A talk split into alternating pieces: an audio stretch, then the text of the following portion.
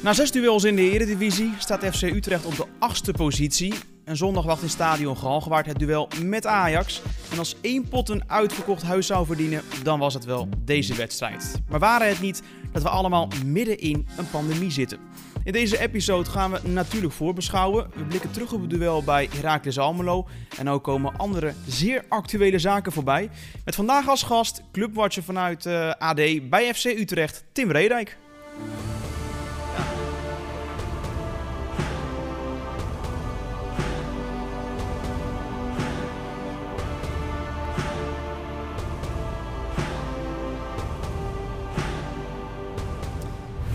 Leuk dat je luistert. En Tim, jij uh, welkom dat je er uh, bent hier in Stadion Galgenwaard. We gaan zo nog uh, proberen Dick Teunen in te tunen. Maar die is helaas vandaag niet van de partij. Wat ik wel zeer stellig zei, grofweg twee weken geleden. Maar laten we beginnen bij de ja, toch wel actualiteit, Tim. Want er is wel een, een dingetje te, te melden. Hè? Ja, wat dan? ja, nou ja, John van der Brom, hè, die, uh, die gaat uh, als goed is spoedig tekenen bij Genk. Misschien uh, als, deze, als de, de, mensen deze podcast, podcast luisteren, is die misschien al weg. samen met Dennis Haar. Ja, dat is natuurlijk wel een vrij opmerkelijke wending van deze week. Dus ja, dat is wel als we dat, uh, dat moeten we wel bespreken in, dit, in deze podcast. Ja, het zou raar zijn als we daaraan voorbij zouden gaan. En gisteren kwam het natuurlijk al voorbij in diverse, nou ja, toch wel toonaangevende landelijke media. Vandaag is daar ook een, tweet bijgekomen. Op het moment dat we deze podcast opnemen op het eh, clubkanaal van FC Utrecht.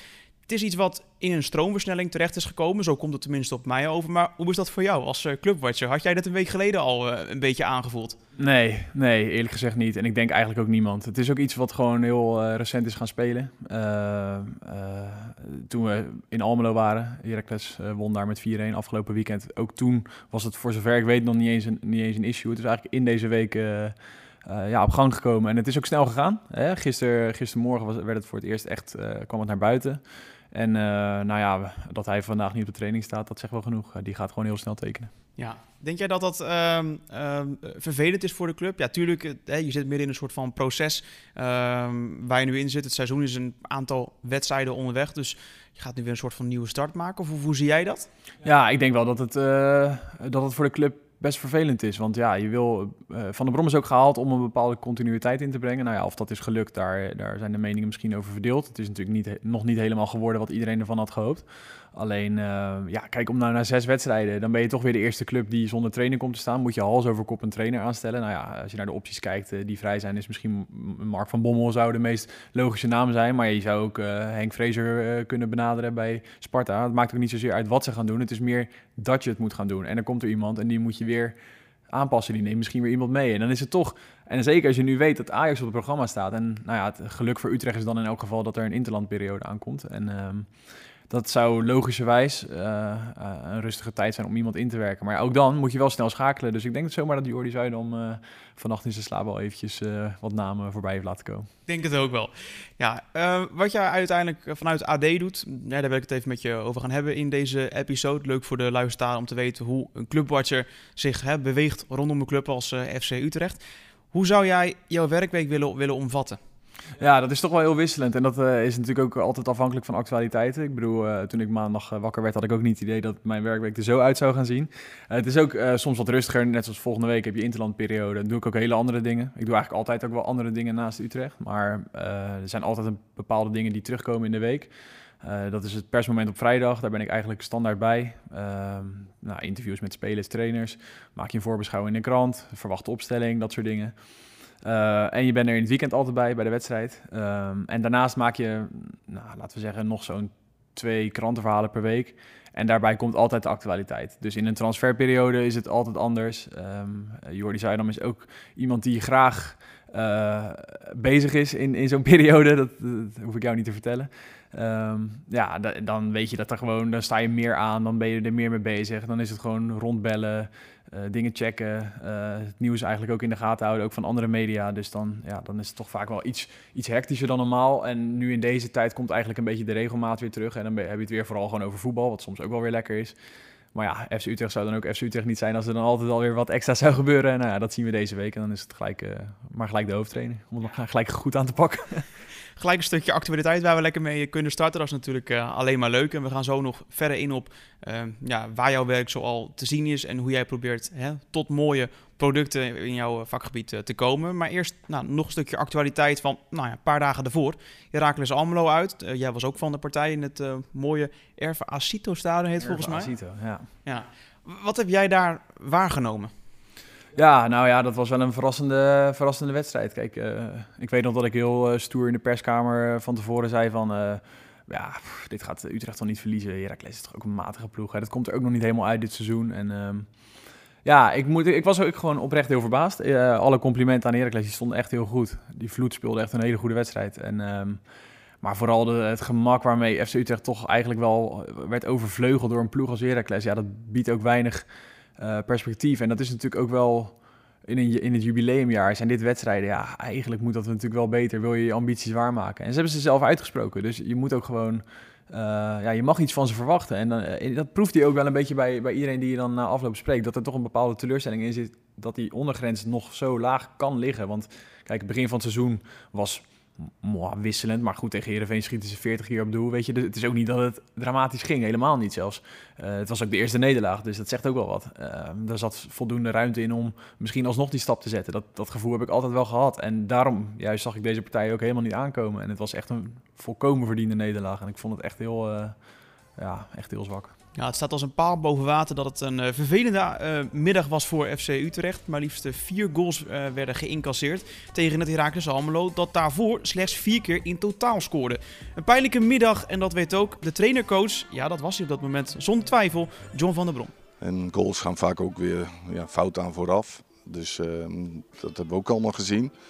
En dat we met name ook voetballend gezien niet bij machten waren om de wedstrijd terug in ons voordeel te te trekken, te keren. En ja, dat is wel iets wat, mij, wat ik jammer vind, omdat ik juist vind, waar we het nu over hebben, over voetbaltechnische dingen, dat wij vaak wel in staat zijn om voetbal de betere ploeg te zijn. Maar ja, als dat wegvalt, um, en de achterstand en de, eh, de goede keuze van, uh, van Heracles, die verdiend hebben gewonnen, uh, waar niks op af te dingen is. Maar de fouten die daar bij ons aan, ja, tentoon gaan, dat is...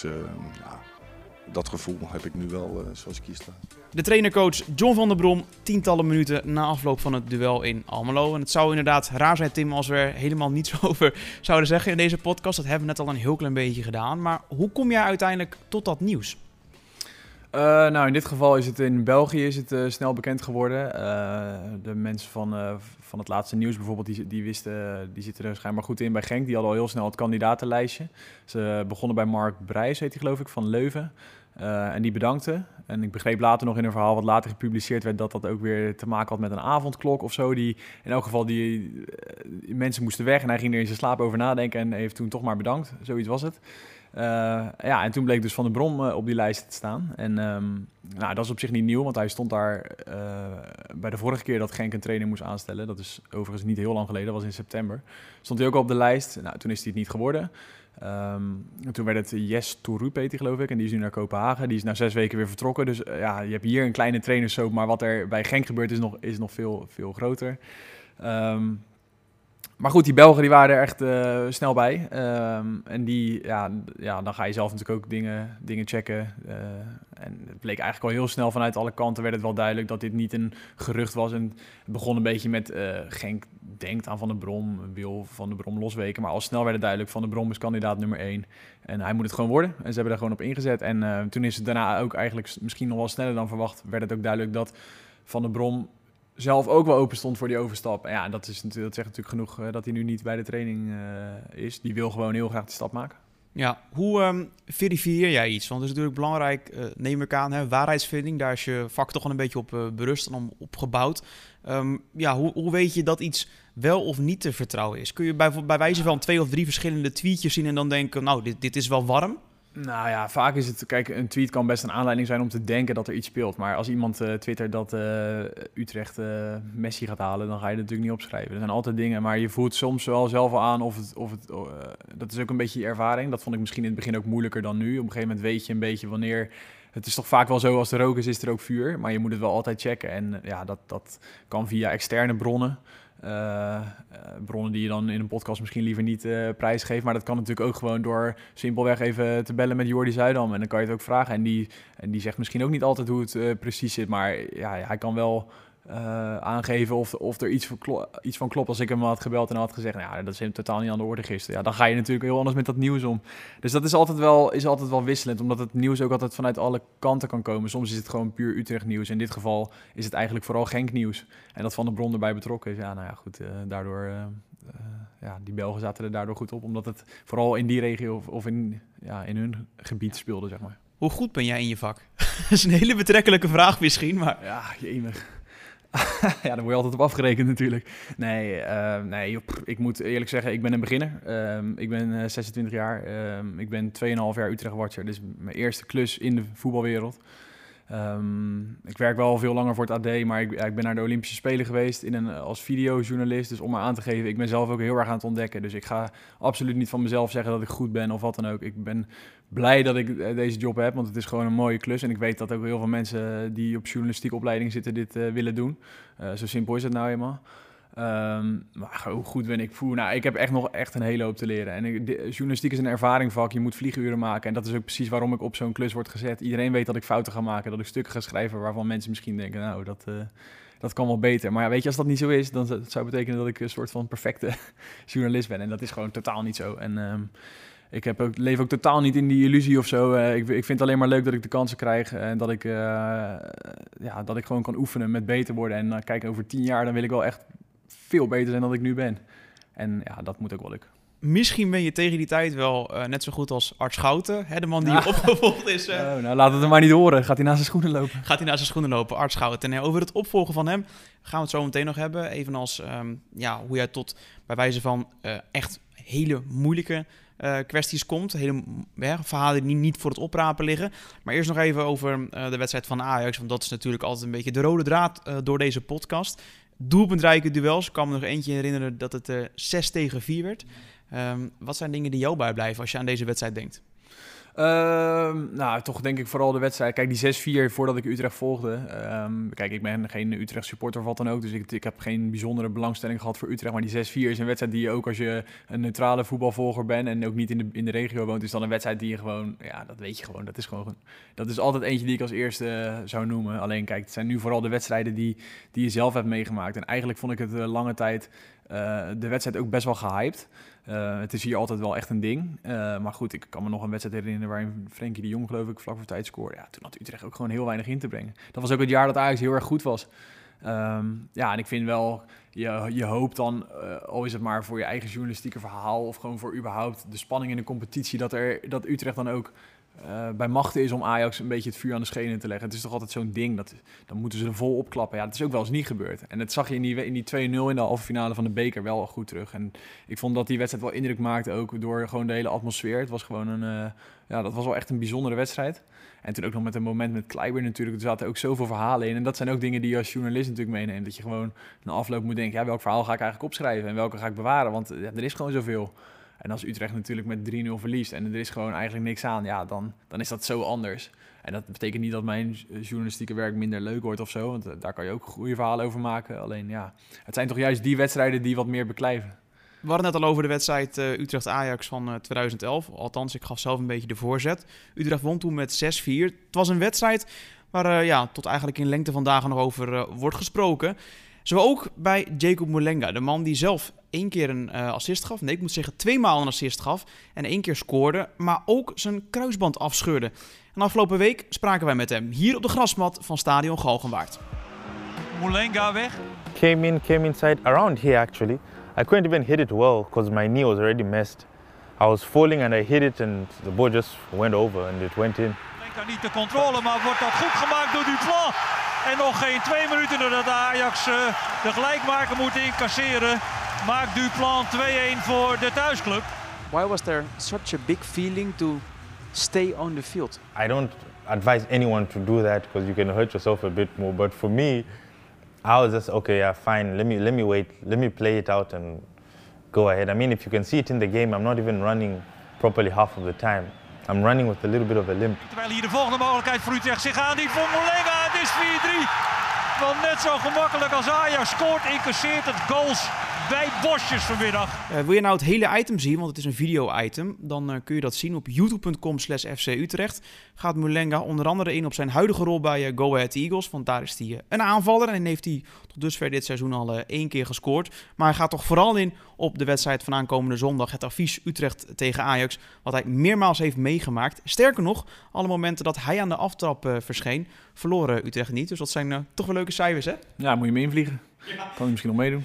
Wie we zeker nu in gaan vliegen, dat is uh, Dick Teunen. Dick, als het goed is, dan moet de verbinding nu uh, goed zijn. Hoe gaat het met je? Want ik vind toch wel dat de luisteraar recht heeft om even te weten waarom jij afwezig bent. Ik heb uh, corona, althans ik heb corona gehad, zo moet ik het zeggen. En op dit moment ondervind ik daar nog nou ja, de naweeën van. En die zijn eigenlijk ook behoorlijk vervelend. Um, dus weerhoudt mij daar behoorlijk van om mijn werk überhaupt te kunnen doen, zeker de afgelopen weken. Maar tegenwoordig uh, ben ik dan weer aan de slag. Um, maar valt het ook nog niet uh, heel erg mee. Dus um, ik bouw het rustig weer een beetje op, zoals ze dat dan uh, noemen. En zoals dat als het goed is ook het meest verstandige is. En um, nou ja, hopelijk ben ik snel weer volledig inzetbaar. En tot die tijd kan ik gelukkig vanuit Vlijmen ook een heleboel doen.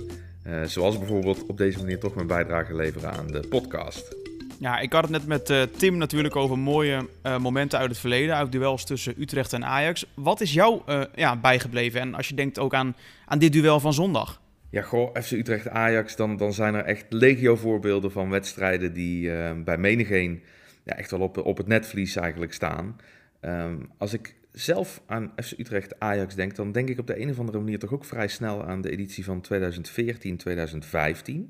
Dat was het eerste seizoen dat ik uh, bij FC Utrecht werkte. En het was in die zin dus ook mijn eerste FC Utrecht Ajax. En uh, nou, het leek er eerlijk gezegd lange tijd op dat die zou gaan eindigen in een overwinning voor uh, de ploeg uit Amsterdam. Die stonden namelijk heel lang met 0-1 voor na een eigen doelpunt van uh, Ramon Leeuwin. Die die dag tot overmaat van ramp trouwens ook nog een rode kaart kreeg. Dus die had echt niet zijn beste dag wat dat betreft. Maar gelukkig was er een andere centrale verdediger, Javero Marquiet en nou, die werd, uh, ja, he saved the day, zouden ze zeggen. Um, die kwam er 10 minuten voor tijd in als vervanger van Willem Jansen. Marquiet is dus een centrale verdediger, maar hij werd in die wedstrijd um, in de spits gezet voor de, voor de slotfase. Marquiet, uh, een fysiek sterke, grote uh, speler. Um, dus ik denk dat het idee van de technische staf destijds is geweest: laten we er een stormram bij gooien. Laten we oorlog maken in hun 16 en laten we eens kijken wat dat oplevert. Nou, en dat leverde wat op, namelijk de gelijkmaker. Die werd gescoord door Marquiet een paar minuten voor tijd.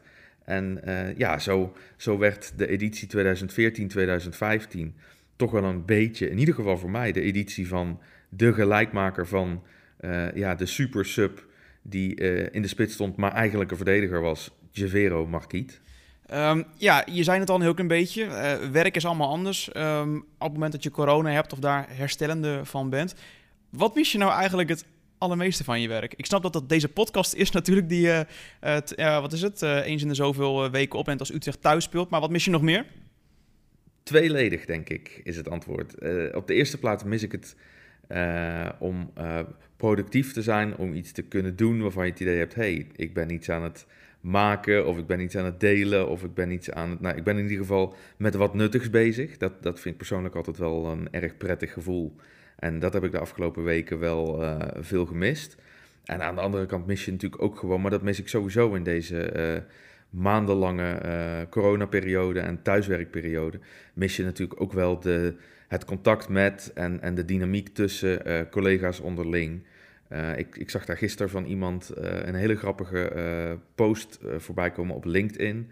En diegene die schreef dat ze inmiddels het zelfs miste dat als je dan weer terugkomt op je, op je plek, je werkplek, dat je je bureaustoel weer opnieuw moet instellen, omdat er net even iemand anders twee minuten op heeft gezeten en die heeft dan meteen de zitting verlaagd en, en de, de ruggensteunen achtergeschroefd en de armsteunen een andere plek gegeven. Zelfs dat mis je op een gegeven moment. Uh, nou, ik vond het wel een grappig bericht, zoals zij dat op LinkedIn had geplaatst. En ik herkende het ook wel, want ook dat mis je. Um, maar ik denk dat dat voor iedereen geldt die um, nu op dit moment thuis moet werken. maar voor mij persoonlijk, ik vind het in ieder geval fijn dat ik op deze manier vanuit Vlijmen toch een kleine bijdrage heb kunnen en mogen leveren aan de podcast. En ehm, ik hoop dat ik dat de volgende keer toch echt weer vanuit een nog veel mooier plekje kan doen, namelijk vanuit Stadion Galgenwaard. Nou Dick, vanuit uh, Stadion Galgenwaard in ieder geval beterschap hè, namens uh, Tim en mij, toch? Ja, Dick, zet hem op. Dick is nu uh, even afwezig bij FC Utrecht. Wat nou als Tim Redijk even afwezig is bij AD? Is dat dan gelijk paniek rondom het volgen van FC Utrecht? Heel het AD in de fik. Nee, nee, nee. Wij hebben altijd vervangers klaarstaan, uh, freelancers. Nou, zeker in deze tijd is dat natuurlijk wel vrij essentieel, want wie zegt dat ik uh, niet uh, bespaard blijf? Nee hoor, dan kijk en voorlopig, kijk, vroeger kwam ik ook op woensdag nog wel eens op een training. Dat is nu gewoon ook anders. Dus het zijn eigenlijk twee contactmomenten, om het zo te zeggen. Nou ja, niet letterlijk contact, want, maar op vrijdag en, op, en in het weekend. Dus nee, dan Nick Kok is mijn vervanger wel eens geweest. We hebben ook andere freelancers, dus... Ja, ik zei net al heel een beetje de naam Art Schout. Hè? Dat is de man die jij nou ja, natuurlijk permanent hebt overgenomen. De man die hier jarenlang heeft rondgelopen. Ben jij iemand die, hè, toen jij hier bij Utrecht kwam, uh, aan de lippen zit als het ware van Schouten en probeert erachter te komen hoe het, hoe het vak in elkaar zit? Of eentje die denkt, oké, jij deed dat toen op jouw manier en ik ga dit nu helemaal from scratch vanaf het begin zelf ervaren? Ja, nou kijk, in mijn geval was het zo dat ik toen begon als voetbalverslaggever. En ik had eigenlijk echt geen idee wat, wat voor wereld het is, ehm, hoe de lijntjes lopen, hoe, uh, hoe het werk überhaupt in elkaar steekt. Dus in het begin heb ik wel uh, twee of drie keer een kop koffie met Art gedronken. En dan ging het over, over allerlei dingen. Dan stuurde hij me ineens 150 telefoonnummers door. En dan wist ik weer, oké, dan heb ik nu in elk geval de nummers. Eh, dan kan je altijd eens uh, iemand bellen. En destijds hadden we ook veel rubrieken waarin je gewoon oudspelers moest bellen voor een voorspelling en zo. Dat is nu allemaal wel iets minder geworden. Maar ja, daardoor was je wel meteen al een klein beetje soort van ingewerkt. En dan had ik wel eens vragen over van hoe, die, hoe doe jij dit? Of, maar goed, uh, na, wat zullen, nou, laten we zeggen een half jaar of zo, toen dacht ik wel van oké, nu de basis staat wel. En nu ga ik het gewoon zelf doen. En ik ben ook volgens mij op geen enkele manier iemand als arts Schouten. echt een hele, heel andere soort verslaggever. En volgens mij moet je ook uiteindelijk wel zelf je weg vinden. En nee, ik gebruik hem nu eigenlijk nooit meer, tenzij ik wel eens een telefoonnummer moet hebben of zo van iemand die in zijn tijd actief was. Uh, verder doe ik gewoon mijn eigen ding. Maar kijk, zeker in het begin natuurlijk, als je net komt kijken, ja, ik kan wel net doen of ik de wijsheid in pacht heb. Maar ik was 24, ik uh, werd in het diepe gegooid door het AD. En dat wat, wat ik ook heel erg waardeer, want daardoor, nou ja, dan, dan weet je ook gelijk een beetje hoe het gaat. En je gaat een keer op je bek en dan, um, ja, daar leer je volgens mij alleen maar van. Dus, uh, dus nee, Art is niet, staat niet zo hoog meer in mijn WhatsApp-lijst op dit moment. Maar ik mag hem nog steeds hoor, dat, daar, daar niet van. Je mag hem nog steeds. Goed om te horen. En uh, ik spreek ook uit uh, ervaring, uh, buitengewoon fijne vent. Fijne vent, zeker weten. En tegenwoordig raast hij Utrecht door voor de, voor de wat meer stadse nieuws. Dus ik zou zeggen, blijf hem volgen. blijf hem sowieso doen. Art Schouten, blijf hem volgen. Hij zit ook op Twitter, toch? Hij zit ook op Twitter, Art Schouten AD. Gok ik, weet ik niet helemaal zeker. Zoiets, ja. Je hebt natuurlijk ook uh, uh, collega-journalisten. Uh, Jeroen Kapteins bijvoorbeeld van Telegraaf. Stef de Bond van VI. En ik pik er nu gewoon zomaar even twee uit die hier met enige regelmaat in Stadion Galgenwaard te, te zien zijn. Um, uiteindelijk wil je natuurlijk allemaal origineel zijn. Lukt dat wel als je daar met, met hè, drie journalisten ja. naast elkaar staat? Nou ja, dat probeer je wel. Dat lukt natuurlijk niet helemaal altijd. Uh, kijk, schrijvende pers wordt ook altijd bij elkaar gezet bij een persmoment. Dus als uh, nou ja, vroeger Van de Brom, en nu zal het Haken zijn, uh, later vandaag, ja, dingen zegt over deze hele situatie, ja, dan grote kans dat het min of meer gelijkwaardig ook op het AD staat. Hetzelfde op de Telegraaf, zeg maar dat, ja, maar daar ontkom je ook niet helemaal aan. Het is volgens mij wel de kunst om altijd te blijven denken in originele invalshoeken. En uh, kijk, het zijn ook hele andere media. Kijk, Stef die kan in Voetbal International kan die een, een betoog schrijven. Nou, echt, dat is echt niet te geloven. Die heeft zoveel ruimte daar. Uh, maar hij heeft natuurlijk wel een weekblad. Dus als Van der Brom nu, uh, nou ja, die vertrekt. kijk, ik kan wel een stuk in de krant schrijven vandaag. dat kan hij natuurlijk niet. Dus hij schrijft het op VI Pro. Uh, dat is natuurlijk wel een heel ander soort medium. En hij heeft dan weer meer ruimte, maar ik word weer vaker afgedrukt. En uh, nou ja, goed, verder kan online natuurlijk ook altijd wel alles kwijt. De Telegraaf werkt wel een beetje meer zoals ik, maar Jeroen heeft weer een breder pakket, meer clubs. Dus als het bij Vitesse nu Hommelus zou zijn, dan zou hij ook met Vitesse bezig zijn. Ik heb wat meer focus op alleen Utrecht. Uh, maar goed, ik doe daarnaast ook weer bijvoorbeeld vechtsport. Dus ja, zeg maar, uiteindelijk doen we allemaal wel andere dingen. En kies je misschien toch ook uh, andere invalshoeken. Kijk, Telegraaf is ook een andere krant dan het AD. AD is misschien wat, ja, misschien wat neutraler hoor. Uh, Telegraaf is misschien wat uitgesprokener soms. Um, En VI is natuurlijk weer echt puur een voetbalweekblad. Dus die kunnen misschien... eh, kijk, die, ik, Stef heeft laatst een heel, groot interview met Mimoun Mahi gehad of zo. Maar voor, als ik dat in een landelijke krant wil hebben, dan moet ik wel echt, een, dan moet ik dat echt goed pitchen. Eh, en in VI zijn ze misschien daar weer wat ruimer in, omdat ja, het is voetbal. Dus het is, het is een speler die eh, terug is gekomen uit Zwitserland. Dat is natuurlijk best wel een verhaal. Alleen ja, wij, schrijven ook voor een publiek dat van, van, eh, nou ja, van Formule 1 houdt. Daar moet ook allemaal ruimte voor, voor gemaakt worden. Dus uiteindelijk zijn we zulke verschillende media. Maar ja, als je probeert creatief te denken, kom je denk ik altijd wel tot iets andere insteken. En, eh, ja, en zijn we uiteindelijk zo verschillend dat het allemaal toch niet op elkaar lijkt. Bij video's en bijvoorbeeld bij tv eh, kijk je naar kijkcijfers. Hè? Daar worden mensen een beetje op afgerekend. Hoe is dat eigenlijk bij jou? Want is dat wel te meten? Online kan ik, kan ik denken van ja, maar hoe, hoe zit het bijvoorbeeld met print? Ja, eh, er zijn wel eh, onderzoeken. Kijk, AD weet natuurlijk precies hoeveel abonnees er zijn. Eh, en de losse verkoop. En eh, ja, ik denk dat niemand ervan staat te kijken dat dat eh, de laatste jaren gedaald is. Dat de papieren krant minder verkoopt.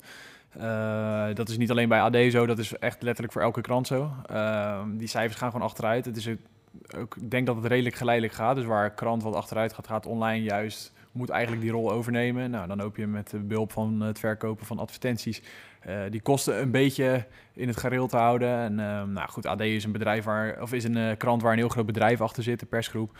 Eh, dus daar, ja, ik denk niet dat ik me heel direct zorgen hoef te maken dat als, als misschien over tien jaar ineens de krant verdwijnt, dat het dan ook maar klaar is. Dan, dan heb je natuurlijk een site wat allemaal weer veel verder is. Die cijfers zijn allemaal goed te meten op de site. Eh, ja, voor de krant is dat dan iets anders, daar zie je het wel teruglopen. Maar goed, uiteindelijk is er een goed beeld van hoe de krant iets achteruit gaat en de site wat vooruit gaat. En uiteindelijk moet dat elkaar een soort van geleidelijk in elkaar gaan overlopen. Maar eh, nou, wat dat betreft eh, maak, ik me, maak ik me weinig zorgen hoor. Dat, journalistiek, er zal altijd behoefte zijn aan journalistiek. Dat zie je toch ook deze week weer met Van der Brom. Ja, het kan toch niet dat het verdwijnt. Dus het zal, al, is het misschien over tien jaar in een heel aangepaste vorm en sta je misschien podcast en video's en dat doe je nu ook al een beetje natuurlijk, maar sta je op allerlei andere manieren het nieuws te vertellen. Er zal altijd behoefte zijn aan nieuws. Kun je heel close zijn met bijvoorbeeld een speler, een trainer of een technisch directeur? Of juist, ik noem maar wat, een bepaalde afstand hebben, maar daardoor wel bam, alles kunnen brengen wat je wil brengen. Uiteraard bij feiten. Ben jij iemand die liever close is en daarin zelf een beetje selecteert wat hij brengt? Of ben jij iemand die van een speler, trainer of technisch directeur ehm, liever een soort van afstand heeft en daardoor misschien zich wat vrijer voelt om alles te brengen wat hij kan of wil brengen? Ja, ja, dat is wel een goeie. Eh, het is natuurlijk best wel een, eh, ja, het is best wel een veelbesproken thema ook. Eh, ja, je kan de voorbeelden opnoemen die van mensen waarvan waarvan je wel eens denkt, die zijn wel heel close. Dat wordt misschien wel een klein beetje eng. Zelf ben ik denk niet zo. Ik eh, kan met, eh, met de meeste mensen binnen de club goed opschieten. Maar goed, ik wil wel vrij zijn. Ik wil niet het gevoel hebben dat ik word tegengehouden door iets of iemand. Want ik ben gewoon van het AD. Ik heb niks met Utrecht te maken. En ik schrijf er wel misschien wel het meest over van iedereen. Maar dat betekent niet dat ik eh, ja, onderdeel ben of zo, weet je wel. Het maakt me ook oprecht niet uit of Utrecht wint of verliest. En dat moet altijd wel zo blijven. Ik denk dat ik wel meer van afstand ben. Ik heb niet eh, dagelijks contacten met, met, met één iemand op een manier waarop je denkt... ja, dat is misschien wel een beetje vreemd. Maar dat neemt niet weg. Ja, voor mij is het ook wel belangrijk dat ik niet hier al mijn kruid verschiet natuurlijk. Want als ik hier eh, ongefundeerd dingen ga roepen... eh, en de, mensen van de club die voor mij ook belangrijk zijn, die krijgen dat mee. Ja, dan zullen ze misschien denken, ja, daar moeten we niks van hebben. Dat moet ik natuurlijk niet hebben. Maar daarom is het volgens mij van belang dat je altijd achter, achter je eigen teksten staat. Eh, dat wat je opschrijft, dat je dat ook voor je gevoel eh, kan brengen zonder dat het ongefundeerd is. Dan kan je er ook niet op aangesproken worden. En dan zal je altijd volgens mij een gezonde balans houden tussen... ja, dat, dat je die mensen ook gewoon nodig hebt. En zij hebben misschien soms mij ook wel nodig voor dingen, toch? Ja, het is ook, AD is ook een, een mooi podium om, om iets naar buiten te kunnen brengen. En volgens mij eh, werkt, dat, eh, werkt dat redelijk goed samen. Maar ja, het is altijd een, soort... eh, ja, het is altijd een beetje een gek gebied. Maar ik denk dat ik er wel redelijk goed in zit wat dat betreft. Iedereen maakt daar eens een keer iets mee waarvan hij of zij denkt van, oh, moet dat mij overkomen? Eh, kort voorbeeld, ik heb zelf ooit een keer ehm, net iets te enthousiast geweest na een wedstrijd eh, met, met een camera, eh, dat ik geen hesje aan had en dat dan de fotograaf zei van, hé, hey, eh, klootzak, je had een hesje aan moeten hebben en mijn foto is verkloot, was een lippunt voor mij. Ja. net zei van, toen ik nog jong was en hier net, net kwam bij de club. Heb jij ook een vergelijkbaar iets meegemaakt? Jawel, tuurlijk. Ik heb ook wel eens iemand eh, boos aan de lijn gehad, ook van de club. Dingen die, ja, die dan misschien te ongefundeerd zijn. En kijk, ik vind ook wel, ik, ik doe dit nu 2,5 jaar. eh, Echt niet al mijn stukken zijn natuurlijk goed geweest. Ik heb ook wel eens een, stuk geschreven van, ik, zonder daar nou per se over in detail te willen treden, dat ik denk, Eh, als ik dat nu zou doen, zou ik dat ook heel anders doen. En daar heb ik toen ook gezeik mee gehad. Maar ja, weet je, als je 2,5 jaar een club volgt en je hebt nul gezeik, is dat volgens mij ook weer niet goed. Want er moet altijd wel een gezonde spanning zijn. Want je moet ook kunnen schrijven wat je wil. En ook dat klinkt wel eens vervelend in de oren van uh, clubbestuurders of van trainers. Maar ja, ja, joh, ik heb het ook allemaal wel meegemaakt hoor. En uh, kijk, sommige, kijk, Dick Advocaat had er ook een handje van om, die, die las natuurlijk ook alles. En om je daar dan ook gewoon even op aan te spreken. En dan niet uh, één op één, maar gewoon met de draaiende camera erop.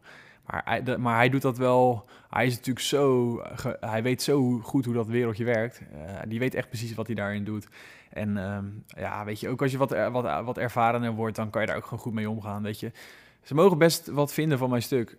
Als ik maar zelf achter mijn woorden kan blijven staan. En het is wel eens gebeurd dat ik later heb gedacht van ja, dit heb ik gewoon niet, niet goed gedaan. Maar ja, weet je, goed, ja, niemand is foutloos, dat gebeurt je een keer. Uiteindelijk moet je gewoon zorgen dat dat uh, minder en minder wordt en dat je, uh, ja, dat je gewoon uh, achter je eigen teksten kan blijven staan. Ja, normaal gesproken is Dick Teunen de man van de feitjes, maar bij afwezigheid van, die geniale man ben ik vandaag degene die jullie kan delen dat het de vijftigste keer is dat FC Utrecht in stadion Galgenwaard Ajax ontvangt. En dat bijvoorbeeld Klaas-Jan Huntelaar, de spits van Ajax, zijn 150ste goal in de Eredivisie kan maken. Um, zou hij die scoren, of later dit seizoen, dan is hij de 15e speler die dat ja, is gelukt in de Eredivisie. En ondanks het geringe aantal wedstrijden in kalenderjaar 2020, uh, voor Ajax tot nu toe 14, kan het voor Ajax de vijfde zijn dat zij verliezen in de Eredivisie. Goed, kijken we naar oude bekenden, dan is het natuurlijk een beetje eenvoudig. Trainercoach Erik ten Hag van de Amsterdammers, maar ook de spelers Zakaria Ria Labiat en Sean Kleiber. Zij komen aankomende zondag terug op het oude nest. Wat is nou echt een, een, een stuk voor jou geweest? Want hè, dit zijn feitjes, die, die kun je verwerken um, om het op smeuig te maken, om iets te duiden. Maar wat is nou echt een, een stuk waarvan je denkt, wauw, wat heb ik hier uh, tof werk geleverd? Of hier ben ik echt tot het uiterste gegaan? Ja, um, nou, ik ben zelf wel... Um iemand die graag op pad gaat. Uh, kijk, bij Utrecht die persmomenten, natuurlijk moet je er zijn, natuurlijk moet je ze maken. Maar je maakt daar nooit de verhalen waar je echt uh, ja, later nog steeds aan denkt. Weet je wel, dat zijn toch gewoon ook een beetje verplichte nummertjes. Niet dat ik het niet leuk vind, maar het, is natuurlijk niet, het zijn niet de verhalen die je onthoudt. Maar ik bijvoorbeeld vorig jaar speelde Nederland zelf dat tegen Noord-Ierland. En toen werd er eigenlijk op maandag gezegd in de, uh, onze vergadering van het AD van... Ja, we willen eigenlijk een, een reportage hebben in Belfast over het Noord-Ierse voetbal. Eigenlijk, we moeten een soort zoektocht maken naar het Noord-Ierse voetbal. En toen werd ik daarvoor gevraagd. En toen, ja, op dinsdag, op mijn vrije dag. En toen ben ik op donderdag naar Belfast gevlogen. En toen ben ik daar vier dagen geweest. En toen heb ik allerlei dingen bezocht. Heb ik een tour gedaan met een, uh, met een man uit Noord-Ierland. Een hele aardige man. Ik heb nog wel steeds wel, krijg ik wel eens een berichtje van hem. Uh, ja, weet je, en daar heb ik een verhaal van gemaakt. Daar ben ik gewoon echt heel blij mee. En dat is, dat is niet eens zozeer het uitzoekwerk, maar dat is gewoon, dat is wel waarom ik journalist ben geworden. Dat zijn echt mooie dingen om te doen daarheen gaan. Eh, maar ook, ik heb gewoon een vrije hand gekregen. Ik heb gewoon vier dagen gekregen van, ja, ga maar, ja, maak er maar wat van. Doe maar wat leuks. Dus ik heb twee wedstrijden bezocht daar. Ja, en toen heb ik een soort reportage gemaakt uh, met een mooie foto in het midden van zo'n, van zo'n vervallen stadion in, in Noord-Ierland met zo'n vliegtuig erboven, want het lag naast een vliegbasis. Ja, dat is nog steeds een verhaal dat ik er wel eens bij pak. Dat ik dacht van, ja, dat zijn echt toffe klussen. En dan ook in deze tijden, in deze coronatijden, waar je ook dat soort dingen eigenlijk niet of nauwelijks meer doet ja, dan krijg je, word je daar ook wel soms bijna een beetje weemoedig van. Want ik vond dat juist zo leuk. En nu is het toch, je bent veel thuis. Je bent, nu, nou, ik heb dan nog echt geluk. En daar ben ik me ook wel heel bewust van. Dat ik nog wel naar de wedstrijden kan en naar de persmomenten. Dus je hebt je uitjes, om het zo maar te zeggen, heb je nog wel. Het is niet dat je alleen maar binnen zit. Maar uh, god, ja, we mogen toch hopen dat het allemaal straks weer lekker voorbij is. En dat je daar ook weer de ruimte voor krijgt. Want dat zijn voor mij de, de persoonlijk de verhalen waar ik het meest uh, enthousiast van word. Wat is jouw grootste angst? Zo, uh, poeh.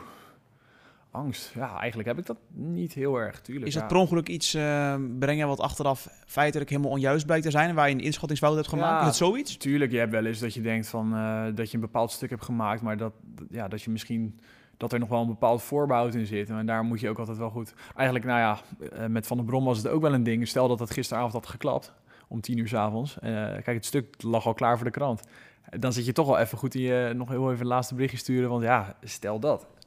En kun je hem dan op het laatste moment zeggen, jongens, dit moet eruit? Ook al komt er dan een gat in een krant terecht? Uh, uh, je kan tot op zekere hoogte, het is wel verschillend per dag, kan je tot een bepaald tijdstip nog wel ingrijpen. Maar op een gegeven moment is die krant natuurlijk naar een drukker. Uh, en dat is ook, blijft altijd het moeilijke van een medium als een krant. Dat, uh, dat je daar altijd aan vast zit. Ik heb de Volkskrant gezien op, na de verkiezingsnacht. Die hadden gewoon op de voorpagina staan: Amerika stemt massaal. Ja, dat is natuurlijk, ja, dat is natuurlijk niks. dat wil je niet lezen. Maar ja, dat is wel de beperking van een krant. En ehm, kijk, eh, iedereen wist dat, dus dat is op zich niet heel gek. Dat de Volkskrant niet met, de, met een verkiezingsuitslag eh, op de proppen kwam. Maar dat zijn wel, omdat Prins zo gebonden is aan die drukker... zijn dat soms wel dingen dat je, kan niet meer op het, je kan niet om 12 uur s'avonds nog inbreken. En ehm, ja, soms zijn er van die dagen dat het erom hangt. Uh, dat je toch begint te twijfelen en dan moet je toch een bepaald voorbehoud inbouwen. Je, hebt, ja, je wil natuurlijk niet wakker worden dat je denkt, oh, wat ik nou in de krant heb staan, dat slaat gewoon helemaal nergens meer op. En dat is misschien, dat zou je dan als een angst kunnen omschrijven. Maar verder ben ik eigenlijk wel altijd wel... Ja, je bent ook, ik, uh, ik heb chefs met wie je kan overleggen. Die hebben deze situaties ook al zo vaak meegemaakt. Dus je maakt altijd niet in je eentje een plan, maar altijd met twee, drie man. En dan heb ik altijd het gevoel van het komt wel goed. Dus in die zin, ik ben ook niet heel angstig ingesteld. Ik denk altijd, kom maar op. En, uh, dus nee, echt angst is het niet, maar dat is wel een dingetje. Kijk, als Van der Brom gisteravond had gezegd van... Uh, nou Genk, houdoe en bedankt. Ik ga morgen weer training geven bij FC Utrecht. Ja, dan had er nu echt een heel slecht stuk in de krant gestaan. Dan had er een heel slecht ja, stuk. Maar het voorbehoud was wel een beetje ingebouwd. Als Van der Brom tekent dan, zo is het stuk geschreven. Maar ja, als het allemaal had geklapt, dan is het natuurlijk wel een waardeloos stuk. Waar zit jij over tien jaar? Ha, de bekende vraag. Uh, ja, ik heb die vraag ook wel eens vaker gehad. Ik vind dat ook wel moeilijk. Uh, ik ben ook niet iemand die zegt van ik wil later heel graag uh, Ajax, Feyenoord, PSV doen. Hè, logischerwijs zijn dat als clubwartje de stap omhoog. Ik heb ook wel eens gezegd, misschien wil ik wel helemaal uit die sportwereld. Want uh, ja, weet je, het is natuurlijk hartstikke leuk en uh, ik vermaak me er hartstikke erg in. Maar ik ben ook wel vrij breed geïnteresseerd. in zo'n verkiezingsnacht, liefst ben ik gewoon dan daarmee bezig. Dat is gewoon zo, dat zijn wel dingen. Dus het, het zou ook zomaar kunnen dat ik nog een bepaalde, ja, dat ik een andere richting op ga. Ik ben natuurlijk ook nog zo jong eigenlijk voor mijn gevoel. En ehm, uh, maar goed, in wat bredere zin, over tien jaar wil ik gewoon in alles zoveel beter ervaren zijn, een beter netwerk hebben, uh, wat meer aanzien ook. Je bent natuurlijk altijd nog maar een jonge verslaggever, dat, dat proeven trainers en mensen proeven dat ook wel. Goed, op zich is dat voor mij geen belemmering, maar over tien jaar mag dat geen belemmering meer zijn. En überhaupt niet meer, ook niet voor mensen naar, richting mij toe. Dus um, ja, dat, dat zijn wel gewoon de stappen die je dan wil maken. Maar ja, verder waar ik precies sta. Ik ben ook echt, bij mij is het ook elke keer anders. Want toen ik de Olympische Spelen deed, had ik ook niet kunnen bevroeden dat ik hier nu een Utrecht podcast op zou uh, nemen. Dus uh, ja, het kwam met mij wat dat betreft wel alle kanten op. En dan nog een soort van um, slotvraag wat betreft jou uh, persoonlijk. Als nou mensen de nieuwe Tim Redijk ooit willen worden, welke opleiding moeten ze volgen en hoe moeten ze zorgen dat zij, dat zij in ieder geval een kans maken om in de buurt te komen van zeg maar, een vergelijkbare positie als jij nu hebt? Ja, ja. Um, nou, ik krijg wel eens uh, uh, mailtjes of belletjes van studenten die ook wel eens vragen van ja, hoe, hoe gaat dat nu precies? Het is ook, het is ook niet, er is niet één weg naartoe. Kijk, in mijn geval was het zo, ik deed opleiding journalistiek hier in Utrecht. Um, en ik ben stage gelopen bij het AD twee keer. Eén keer in de, uh, in de Westlandse editie, dat is mijn geboorteregio. Uh, de tweede heb ik toen bij, bij Sportwereld gedaan, AD Sportwereld. En um, daarna eigenlijk op de dag dat mijn stage voorbij was, heb ik gewoon gezegd... ja jongens, ik weet het niet, maar ik ben bijna klaar met mijn opleiding. Ik wil graag freelancen. Misschien is er wat mogelijk. En toen ben ik eigenlijk bij de algemene redactie van, uh, van het AD gaan freelancen. Dus ik was met heel ander nieuws bezig. Helemaal niet eens meer sport. En toen kwam toch sport er weer bij, omdat ze daar mensen zochten. En toen ben ik daar gewoon blijven hangen. En um, ja, ik, ben, ik heb toen bij, op een gegeven moment als freelancer... heb ik AD gecombineerd met nu.nl en met Fox Sports... Uh, bij Fox deed ik dan wat meer tv-dingen. Uh, maar ja, toen werd ik zelf een klein beetje... Uh, poeh, ik vond allemaal wel veel. En het was ook veel in het weekend natuurlijk. Je moest iedereen... je moest elk, elk weekend je opties afwegen. en eigenlijk ben ik er toen een soort van uitgestapt. Toen heb ik in een redelijk korte tijd ben ik weggegaan bij nu.nl en bij Fox. En ineens was daar het AD. Die zeiden van, we hebben een plek over. Dus ik heb daar toch een bepaalde goede indruk achtergelaten. Nou, en toen was ik dus ook nog niet eens voetbalverslaggever. Toen ben ik nog hele andere dingen gaan doen. Uh, nou, waaronder dus te spelen. Dus ja, moet je nagaan wat dat voor route is richting Utrecht. Wat. Er is geen route. Het is ook gewoon uh, geluk hebben. En ook, ja, uiteindelijk moet je je mensen kennen. De chef die mij hiervoor gevraagd heeft. Het is natuurlijk iemand die waarschijnlijk wel mij een goede freelancer heeft gevonden. Want anders dan...